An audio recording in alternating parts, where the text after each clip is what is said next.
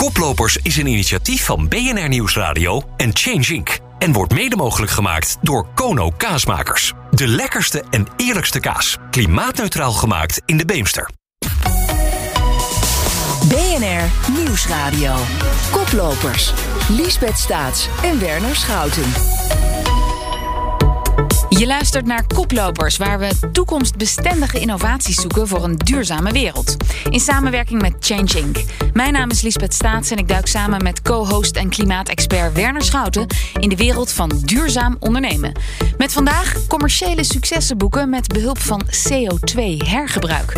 Hoe je als ondernemer die vervloekte CO2 voor je kunt laten werken. In IJsland gaan ze nu nog een stapje verder. Een nieuwe fabriek haalt daar de CO2 gewoon uit de lucht. Dus niet uit de fabrieksschoorsteen, maar gewoon uit de lucht. En slaat het op in de bodem. Nou ja, in ieder geval is het op dit moment zo dat er uh, zo'n 4 megaton te veel is uitgestoten. Meer ook dan voor ons vonnis mag. Dus de overheid voldoet na zes jaar nog steeds niet aan het vonnis. However, there is a young industry devoted to reversing the familiar human pattern of taking stuff out of the ground and pushing it into the air. Carbon capture. Carbon capture, mooi woord, Werner.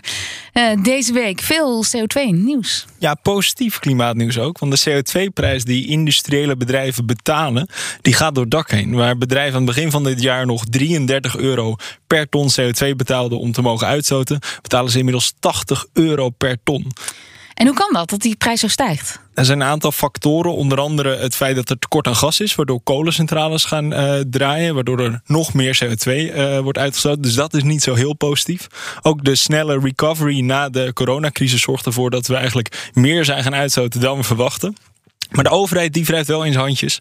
Want aan de ene kant ontvangen ze veel meer geld door die CO2, verkoop van die CO2-rechten. Zo'n half miljard meer. En aan de andere Kijk. kant is er veel minder subsidies nodig voor duurzame projecten. Omdat projecten van zichzelf al rendabeler zijn. En daardoor is er dus meer geld beschikbaar voor nog meer duurzame projecten. Soms moet je als ondernemer geduld hebben. 15 jaar was hij bezig om te onderzoeken hoe je met CO2 textiel kunt kleuren. Welkom Geert Woerlee, algemeen directeur van Feijecon. Ja, ehm, Dag Lisbeth. ja, je moet me even helpen. Mijn verbeelding kan heel veel aan. Maar de stap van CO2 opvangen en daar dan textiel mee kleuren, dat is een grote voor mij. Ten eerste, hoe vang je CO2 op? Nou, dat wordt meestal industrieel gedaan. En uh, bijvoorbeeld bij de productie van am- ammoniak komt ook een, grote hoeveelheid CO2 vrij. En dat wordt over het algemeen gebruikt om CO2 industrieel te gebruiken. En een andere uh, methode is, komt eigenlijk uit de fermentatie van bier. Dus uit uh, vergisting. En dan staat er meteen een machine in, in hetzelfde bedrijf om die CO2 op te vangen? Nee, dat wordt door grote industriële conglomeraten gedaan, zoals Lindegas, um, Air Liquide. Er zijn verschillende die dat doen. Dat doen wij zelf niet.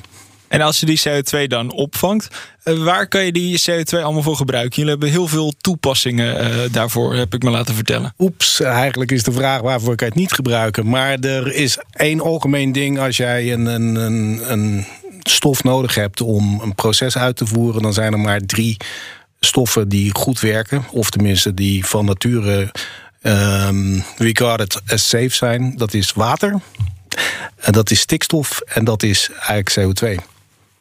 Maar nog even hoor, want het gaat mij nog te snel. Uh, hoe kun je CO2, als je dat dan eenmaal opgevangen hebt, of door wie dan ook dat gebeurd is, hoe, hoe haal je dat dan hierheen om, om textiel te kleuren? Dat komt of in een grote tankwagen, of het komt in flessen. Of je hebt het in de hoek staan als een brandblusser. Ook daar zit vaak CO2 in.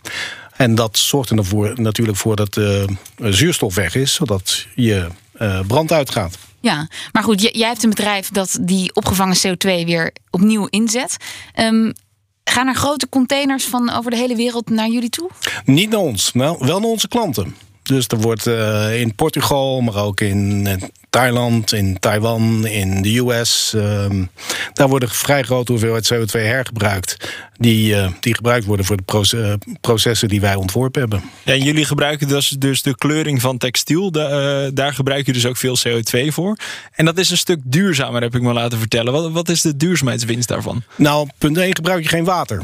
En om 1 kilogram textiel te verven heb je ongeveer 50 kilogram water nodig. En nu gebruik je CO2. Het, het fijne is, CO2 is overal hetzelfde. Water is niet overal hetzelfde, want er zitten andere mineralen in.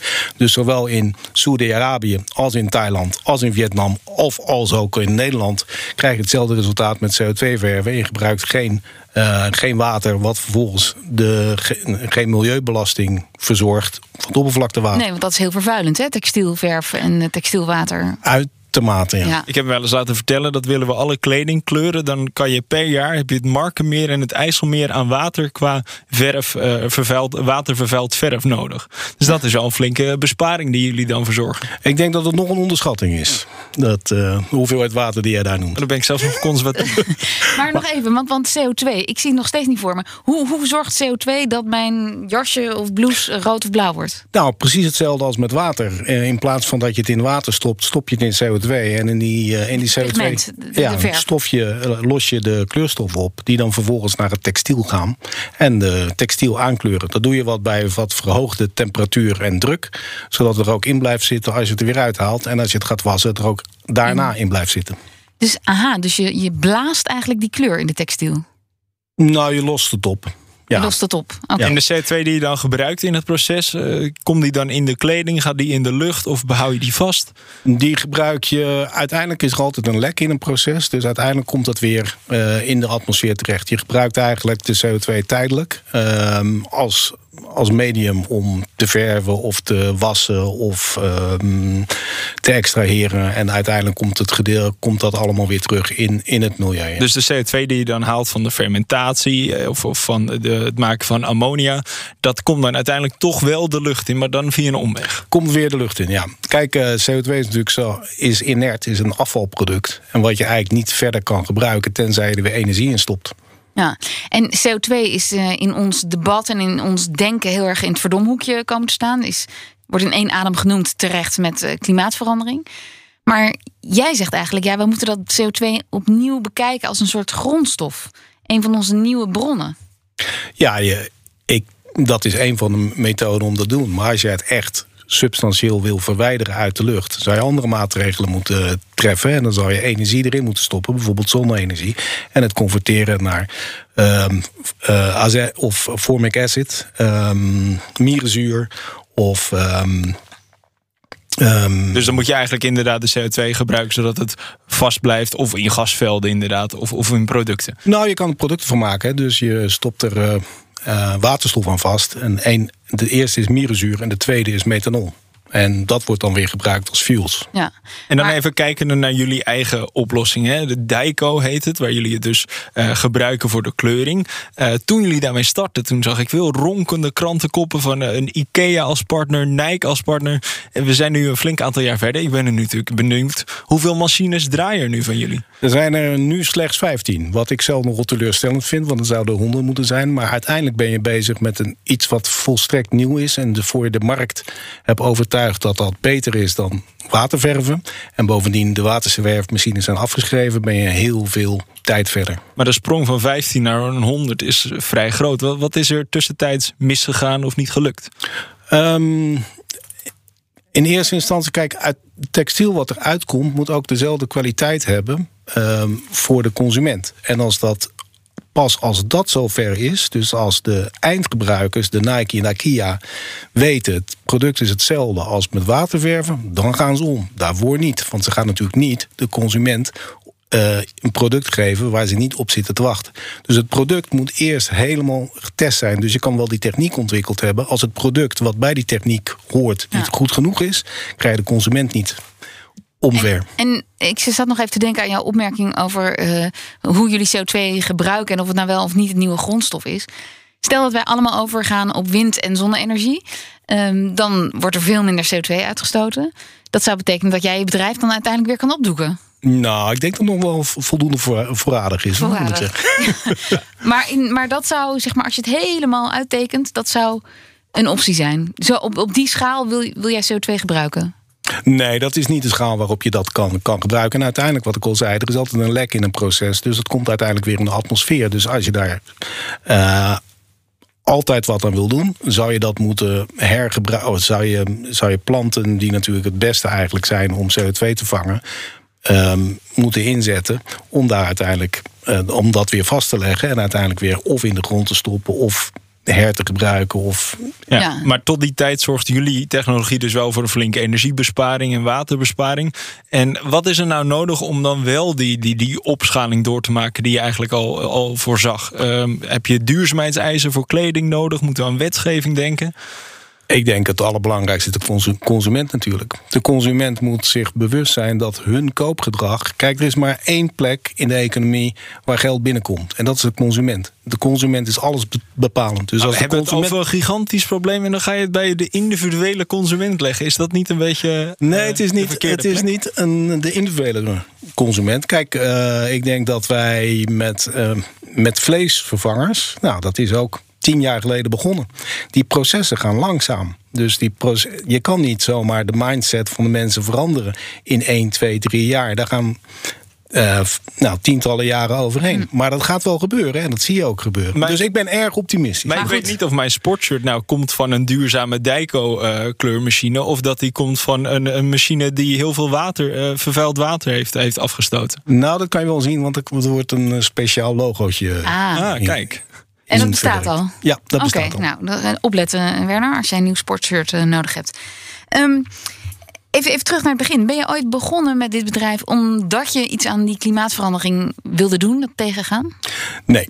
Vertel. Nou ja, kijk, um, ik ben begonnen met dat bedrijf omdat ik die kennis had om CO2 te gebruiken in bepaalde processen. En hoe komt dat eh, ja, ik zou eigenlijk willen zeggen, een beetje mijn levensmotto. Een opportunity will present itself. Dus de dingen gebeuren en als jij daarop inspeelt, dan ga je uiteindelijk verder. Ja. En, maar kijk, het is natuurlijk wel. Het is niet dat ik daarmee begonnen ben. Het is natuurlijk wel erg prettig dat het een duurzaam effect heeft. Dat is wel enorm motiverend. En heb jij nog een, een soort les getrokken uit dat duurzaam ondernemen? Of heeft het je nog iets meer gebracht dan uh, het bedrijf op zich? Nou, duurzaam ondernemen is uiteindelijk toch dat het bedrijf matig goed gaat, zwarte cijfers. Dat is toch in eerste instantie duurzaam ondernemen. Als jij een mooi product hebt, um, daar zit niemand op te wachten tenzij het verkocht krijgt. Dus um, no sales, no innovation, nee. no sustainability. Het is in die volgorde en niet anders. En zou dat ook jouw advies zijn aan, aan ondernemers buiten jouw eigen branche en veld? Nou, je moet altijd zorgen dat je onafhankelijk bent. En onafhankelijk ben je door financieel onafhankelijk te zijn. Dank Geert Woerleef, algemeen directeur van Feicon. Wat mij bij Geert opvalt, is dat um, je dus als duurzaam ondernemer helemaal niet zo duurzaam gedreven hoeft te zijn. Nee, het is ook gewoon een hele goede business case blijkbaar. Ja, en dan is dat duurzame kan heel goed op de tweede plaats staan. Of een leuke bijvangst is dat. Ja, maar nou, dat, Is wel, dat is wel het ondernemen van de toekomst. Want niet iedereen hoeft zich er druk om te maken om toch duurzaam te zijn. Ja, en, en waar Geert dus heel veel CO2 eigenlijk gebruikt in zijn processen, eigenlijk buiten Nederland. Hè, hij zit in heel veel verschillende landen. Is ook de potentie van CO2 gebruiken in Nederland heel erg groot. Hè. Onze industrie is voor een derde verantwoordelijk van onze CO2-uitstoot. Dat willen we allemaal onder de grond gaan stoppen. Maar dat kunnen we dus ook in producten gaan stoppen voor een gedeelte. Je ziet het al in de glastuinbouw. Er wordt CO2 gebruikt om planten te gaan groeien. Maar je kan bijvoorbeeld ook in, in kerosine stoppen. Ik zag laatst zelfs een armband van CO2. Kijk, ja, een diamant kan je ook. En, uh, en uh, dat is natuurlijk pure koolstof. Onze volgende gast is John Kerkhoven van strategisch adviesbureau Calavasta. Hij heeft rekensommen gemaakt voor het klimaatakkoord en deed onderzoek naar het produceren van synthetische kerosine op basis van CO2. Welkom John. Dankjewel, goedemiddag. Goedemiddag. Ja, die synthetische kerosine. Wat is dat voor soort kerosine? Kun je het uitleggen? De, de mooiste route, maar dat is ook gelijk de duurste, is dat je CO2 zou afvangen uit de lucht. Dat je die CO2 omzet met bijvoorbeeld een electrolyzer, maar een speciale electrolyzer in koolstofmonoxide. Ja? Dat je daarnaast bijvoorbeeld dan op de Noordzee met uh, windstroom elektriciteit maakt. Die elektriciteit omzet in wat we dan noemen groene waterstof. Ja? Met een ander soort elektrolyzer. En dan heb je dus twee componenten, koolstofmonoxide en waterstof. En dan heb je de basiscomponenten beschikbaar voor een proces wat uh, Fischer-Tropsch heet. En daarmee kun je eigenlijk alle moleculen die we nu kennen uit de raffinaderijen, kun je synthetisch maken. Nou heeft het niet zoveel zin om synthetische benzine te maken, want elektrische auto's is eigenlijk een veel beter idee. Maar omdat we voor vliegtuigen nog niet een alternatief hebben, zou je bijvoorbeeld synthetische kerosine kunnen maken. En dan is de CO2 die het vliegtuig weer uitstoot, die is kort daarvoor opgenomen uit de lucht, zeg maar met een direct air capture unit. Nou, zelfs ik begrijp dit en ik had niet eens scheikunde in mijn pakket, eindexamen. Dus we kunnen dit morgen organiseren. Uh, uh, sterker nog, we hebben dit al eens op kleine schaal gedaan. En het allergrootste deel van de techniek die je nodig hebt, namelijk het Fischer-Tropsch-proces, dat kennen we ook al op grote schaal. En we hebben natuurlijk de voorbereidende plannen om heel veel wind op de Noordzee neer te zetten. En uh, we weten ook hoe we, van, uh, uh, hoe we koolstofmonoxide eventueel moeten maken. Dus alle ingrediënten zijn er. Alleen uh, nu moeten we investeerders hebben die er voldoende vertrouwen in hebben om die techniek die we al op kleine schaal hebben geoefend ook in Nederland. Dat Shell heeft dat bijvoorbeeld gedaan. Maar één stap, één, één stap uh, ga je dan volgens mij toch wel aan voorbij. Is hoe we aan die CO2 gaan komen. Want je zei van nou dat moeten we dan uit de lucht trekken. Maar volgens mij is dat nog niet helemaal van de grond gekomen. En dan halen we veel van onze CO2. Vangen we dat nu nog af bij de industrie. En als je dat in de kerosine stopt dan, en dat vervolgens verbrandt. Dan is die kerosine uiteindelijk toch weer niet helemaal klimaatneutraal, toch? Nee, daar hebben we toen ook naar gekeken. Hè. Dus je, je, je kan zeggen, ik doe een tussenstap. Hè. Het eindbeeld is, ik haal het uit de lucht. Maar de tussenstap is, ik vang het af bij een industrie die nu nog over heeft. Mhm. En dan zou een hele mooie industrie tijdelijk zou Tata Steel zijn. Hè, want Tata Steel heeft nog een paar jaar nodig om zijn omschakeling naar waterstof te maken. Dus zolang ze nog steenkool gebruiken, komt daar ook, behalve CO2, koolstofmonoxide vrij. Die ze nu leveren aan de Velsercentrales. Maar die Velsencentrales die staan over een paar jaar grotendeels stil. Omdat we volgens het klimaatakkoord al voor 70, 80 procent wind uit zon en wind zullen hebben in 2030. En dat betekent dat de CO die Tata Steel over heeft, die zou je heel goed kunnen gebruiken als startproduct om die synthetische kerosine te maken. Dus, dus daar heb je al een voorbeeld van iets dat je het veel goedkoper en sneller kan doen. Dan heb je wel natuurlijk dat je niet 100% CO2 bespaart. Maar we hebben uitgerekend dat je dan, doordat je aardolie gebruik voor het maken van kerosine vermijdt, dat je ongeveer 55% CO2-reductie. Oké, dat, dat dus is dat met de een helft. mooie grote eerste stap. Dat, dat is een hele sprong voorwaarts. Nu is er ook het, het Nederlandse Lucht- en Ruimtevaartcentrum. Die heeft ook wat berekeningen gemaakt. En die ziet eigenlijk van ja, zouden we die kerosine in Nederland willen vervangen voor synthetische kerosine? Dan hebben we eigenlijk tien keer de totale groene sto- stroomproductie van Nederland nodig die we hadden in 2019. Dat is natuurlijk ontzettend veel. En ook luchtvaartwetenschappers die vertelden recent nog aan de Tweede Kamer. De luchtvaart kan zich niet uit de klimaatcrisis We hebben het nu natuurlijk over deze technologieën. Mijn vraag die dan bij mij reist is van... kunnen we niet beter dubbel en dwars inzetten op het aanpassen van ons reisgedrag... in plaats van miljarden stoppen in het zoeken naar oplossingen... om minder CO2 uit te met zulke synthetische kerosine? Uh, zoals vaak in deze wereld moet je denk ik beide doen. He, dus de, de, er zal een deel van de luchtvaart zal nodig blijven. Hoe we ook uh, als mensen onze stedentrips gaan vermijden of onze lange vakantie rijden. Dus een deel zal blijven. En dat deel wat blijft. Dat, dat gaan jullie aanpakken. Nou ja, dat zou je moeten gaan aanpakken. En uh, dat gaan wij niet doen, maar dat gaan natuurlijk een aantal grote bedrijven doen. Hè. Uh, wij zijn een strategieconsultant, dus dat, hè, dat, wij bouwen geen fabrieken. Dat gaan andere partijen doen. Nederland is natuurlijk een klein land. En uh, dadelijk, uh, wij kunnen nu voor 5 cent per kilowattuur ongeveer stroom maken op de Noordzee. Maar in Saudi-Arabië kunnen ze inmiddels al voor anderhalve cent stroom maken. Die kunnen het een stuk goedkoper. Dus je inderdaad. moet er ook van uitgaan dat die kerosine niet 100% in Nederland wordt gemaakt. Maar in de toekomst ook wel Ja. voor een belangrijk deel gemaakt zal worden in zonnige landen. En je hebt eh, met die grote uitstoters, heb, daar heb je een strategie voor geformuleerd met zeven basisroutes, geloof ik. De route eh, voor de luchtvaart. Ehm, is, is dat het beste middel om zo min mogelijk CO2 uit te stoten? Het is met de technologie die we nu hebben voor intercontinentale vliegtuigen eigenlijk de enige route die haalbaar is. Omdat de andere route zou lopen via ehm eh, biomassa. En we hebben gewoon niet genoeg landbouwgronden om eh, voldoende gewassen te telen zeg maar, voor biokerosine. Dus En, en waterstof? Waterstof wordt ook wel eens genoemd. Er was laatst, Airbus is Ja, heel snel aan het engineeren om een waterstofvliegtuig te maken.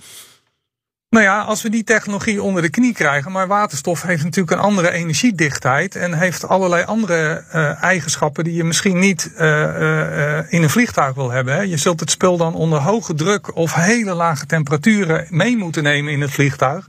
En het is maar de vraag of je dat, Of dat wil. kan, Dus, ja. dus we zijn allerlei ontwikkelingen gaande, maar de komende 10, 20 jaar zeker is toch de verwachting dat we voor intercontinentale vluchten op de huidige motortechnologie zijn Ja, aangewezen. dankjewel. John Kerkhoven van Calavasta. Ja, wat ik nu eh, van John weer hoor is weer het realisme. Ehm, we, gaan, we blijven vliegen, zeker intercontinentaal. En een deel van de vluchten zal gewoon blijven bestaan, ook voor de economie. En ja, dan kunnen we maar beter dat deel zo duurzaam mogelijk maken. Ja, en dan is synthetische kerosine dus blijkbaar de meest voor de hand liggende optie. Ja, ik snap dat zelfs. Maar, maar we hebben dus nog wel mensen nodig die daarin investeren en die dat op hele grote schaal willen eh, uitrollen. Want dat, oké, dat heb ik dan ook wel onthouden. Dat er dus heel veel energie nodig is, schone energie, groene energie, om zoiets op hele grote schaal uit te voeren. Ja, en die energie hoeven we dus ook niet per se in Nederland eh, eh, te opwekken. Want ook in Saudi-Arabië is de hernieuwbare energie misschien een stuk goedkoper. Dus er zijn veel plannen nodig, er is veel geld nodig. En wie weet, er was laatst natuurlijk een uitlek van eh, de kabinetsformatie. Worden wel heel veel miljarden ook daarvoor vrijgemaakt. En dit was Koplopers. Je kunt deze uitzending terugluisteren via de BNR-app en bnr.nl. Maar natuurlijk ook op jouw favoriete podcastplatform. Koplopers is een initiatief van BNR Nieuwsradio en Change Inc. En wordt mede mogelijk gemaakt door ASR. Voor al uw duurzame zakelijke verzekeringen. ASR doet het.